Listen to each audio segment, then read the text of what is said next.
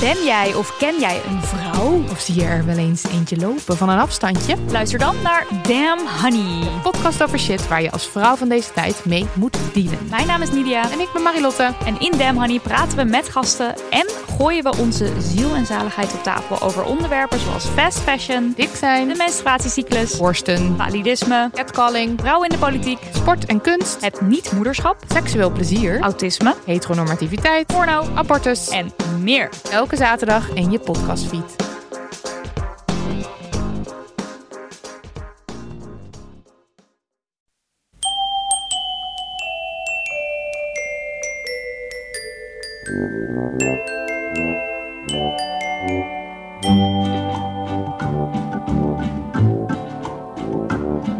Welkom bij aflevering 297 van Echt Gebeurd.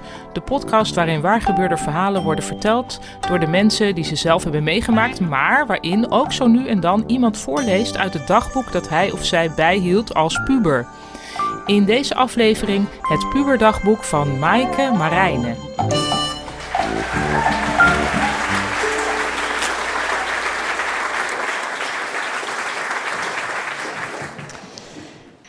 Oké. Beste dagboek. Dit is eh, februari 1993 en dan eh, ben ik bijna 14 jaar. Ik zit boven mijn huiswerk. Ik zit bijna te bläten. Dat is Zeeuws voor huilen. Ben ik weer op iemand? René dus. Hij is waarschijnlijk niet op mij. Daar word ik zo ongelooflijk verdrietig van. Ik kan mijn liefde niet kwijt. Iedereen op school heeft of kan om de havenklap verkering krijgen. Maar ik niet hoor. Ik ben lelijk en niet knap. Zo, ik zal het even zeggen. Ik hou het niet meer. I need love. ik heb zin om van echt iemand te houden. Maar ik kan niet, want René is vast ook niet op mij. Hij is waarschijnlijk op een knap, lief en aardig meisje. De perfecte vrouw dus. Ik ga dood aan overvloed aan liefde. Die ik weg moet geven en ik kan ze niet kwijt. Femke heeft nu ook weer verkering met een jongen van 16 of zo. Ze heeft al met hem gestaan. Gezoend is dat. Gestaan. Zeeland, hè. I need love.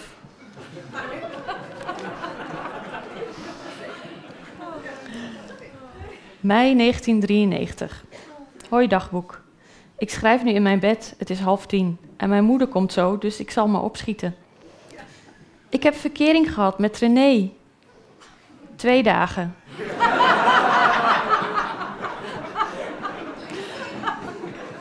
Daarna. Daarna heb ik het uitgemaakt. Mijn ouders vonden me te jong en ik was niet eens eerlijk tegen mezelf. Ik had mezelf wijsgemaakt dat ik op hem was. Ik ben nu op niemand en ik heb ook geen overvloedige liefde meer. Het is nu 6 mei 1993 en ik ben nu 14. Wauw, ik wou dat ik op deze leeftijd blijf haken. Ik vind het verder wel oké zo. Ik vind jongens eigenlijk maar saai. Ik ben op niemand verliefd, dus ook geen enkele reden om naar school te gaan.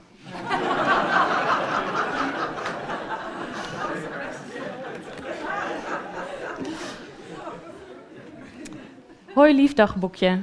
Eh, 18 februari 1994, dan ben ik bijna 15. Hoi lief dagboekje, ik schrijf nog maar eens. Ik zal eerst maar eens beginnen hoe ik me voel. Ik voel me best een beetje down. Daar heb ik wel reden toe ook, want ik had een 2 voor mijn Duits proefwerk. Bah, ik heb mijn Frans ook nog geen slecht gemaakt. Kijk hier. Eigenlijk heb ik niet veel meer te schrijven.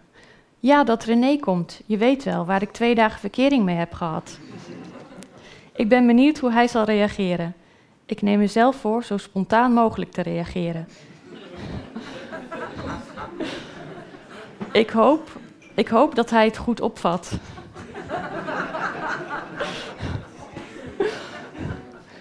ik ben nu naar de CD van Mariah Carey aan het luisteren. Deze heb ik twee dagen geleden gekocht en hij is heel mooi. 13 maart 1994. Hoi dagboekje. René is nog geweest. Hij was niet kaal meer en hij was gespierd. En heel aardig. Ik ben volgens mij weer helemaal verliefd op hem. Hij had ook die CD van Mariah Carey gekocht. en, hij is, en hij is helemaal fan van haar. Hij was heel aardig. We hebben een ganggesprek gevoerd en hij kwam eens op mijn kamer. En hij heeft hij al die boekjes van Winnie de Pooh gelezen. Hij interesseerde zich tenminste voor mij. Een week nadat hij weg was, had ik Ruben, dat is mijn broer, uitgehoord over wat René over mij dacht. Hij vond mij ook heel aardig. En ik heb hem een brief geschreven dat ik graag met hem over Paul de Leeuw wilde praten en zo.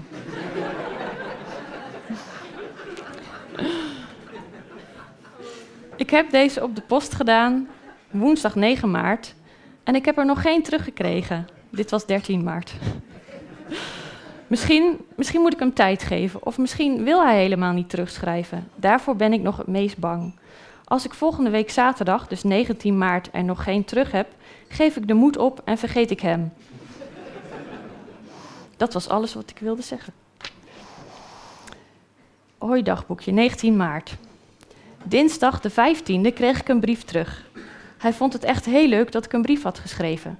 Ik heb er toen weer één teruggeschreven en hij schreef terug dat hij het wel leuk vond om brieven te schrijven, maar dat hij dan niet zo goed zijn gevoelens kon uiten. En toen heb ik hem opgebeld en we hebben wel een half uur aan de telefoon gehangen. Alleen een heel groot nadeel is Ruben. Ik zit tussen Ruben en René. Ruben zit tussen René en mij. En René zit tussen Ruben en mij.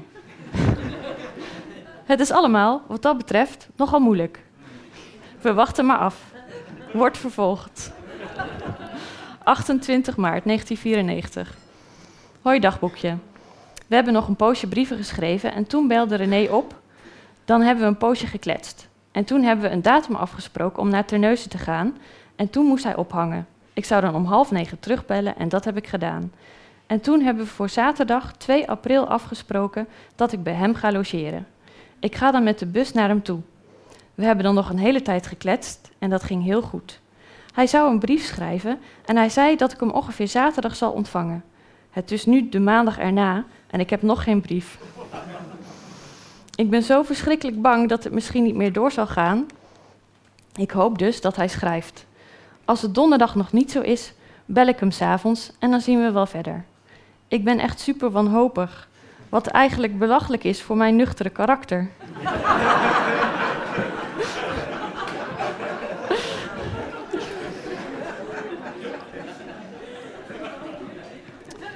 Wat liefde toch al, niet al met je kan doen. Wens me succes met wachten en van alles. Help me sterk te zijn. Wordt vervolgd. 4 april 1994. Hoi dagboekje. Het is heel anders gelopen dan ik hoopte. Ik kreeg een brief die dinsdag daarna. Ik heb er eentje teruggeschreven of hij even wilde bellen wat ik allemaal mee moest nemen. Hij belde de donderdag daarna en we hebben, een heel, en we hebben heel leuk gekletst. Ik was nog steeds verliefd. De zaterdag was het zover. Ik had er heel veel zin in. In Terneuzen stapte René op mijn bus en we kletsten verder. En toen we daar kwamen, gingen we eten. Ze hadden het allemaal over dingen waar ik niks van wist. Toen gingen we wandelen met Jeffy, de hond van de buren.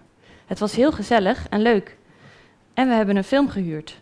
Hij wilde per se snoep voor mij kopen. Heel gênant. En we hebben die film s'avonds bekeken.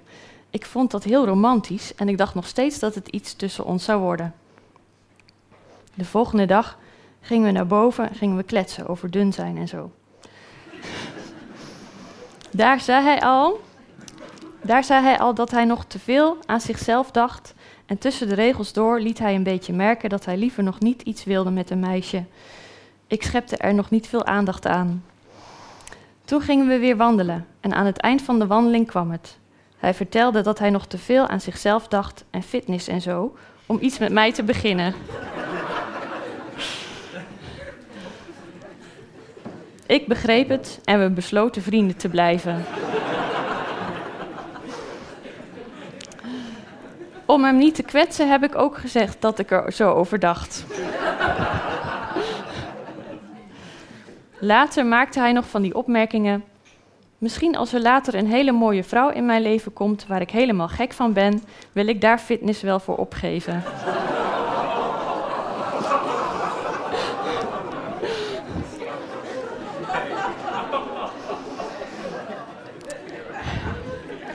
Maar, maar ook deze. Ik ken ook iemand die heeft verkering met een meisje en heeft daarnaast ook gewoon nog een goede vriendin. Thuis, thuis gekomen hield ik mij goed, dus bij hem thuis hield ik mij goed en gingen we tv kijken. De video van Mariah Carey. ik kon mijn tranen haast niet inhouden. Daarna keek ik nog tv en toen kwam gelukkig mama mij ophalen.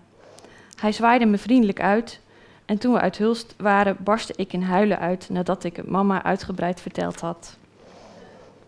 Dat was het.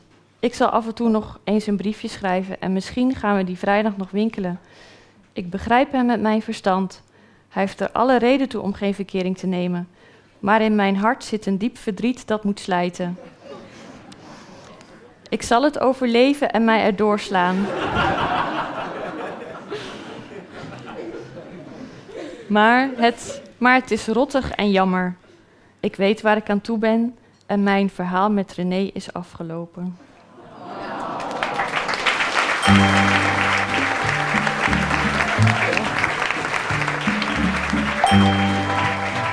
Dat was het puberdagboek van Maaike Marijnen.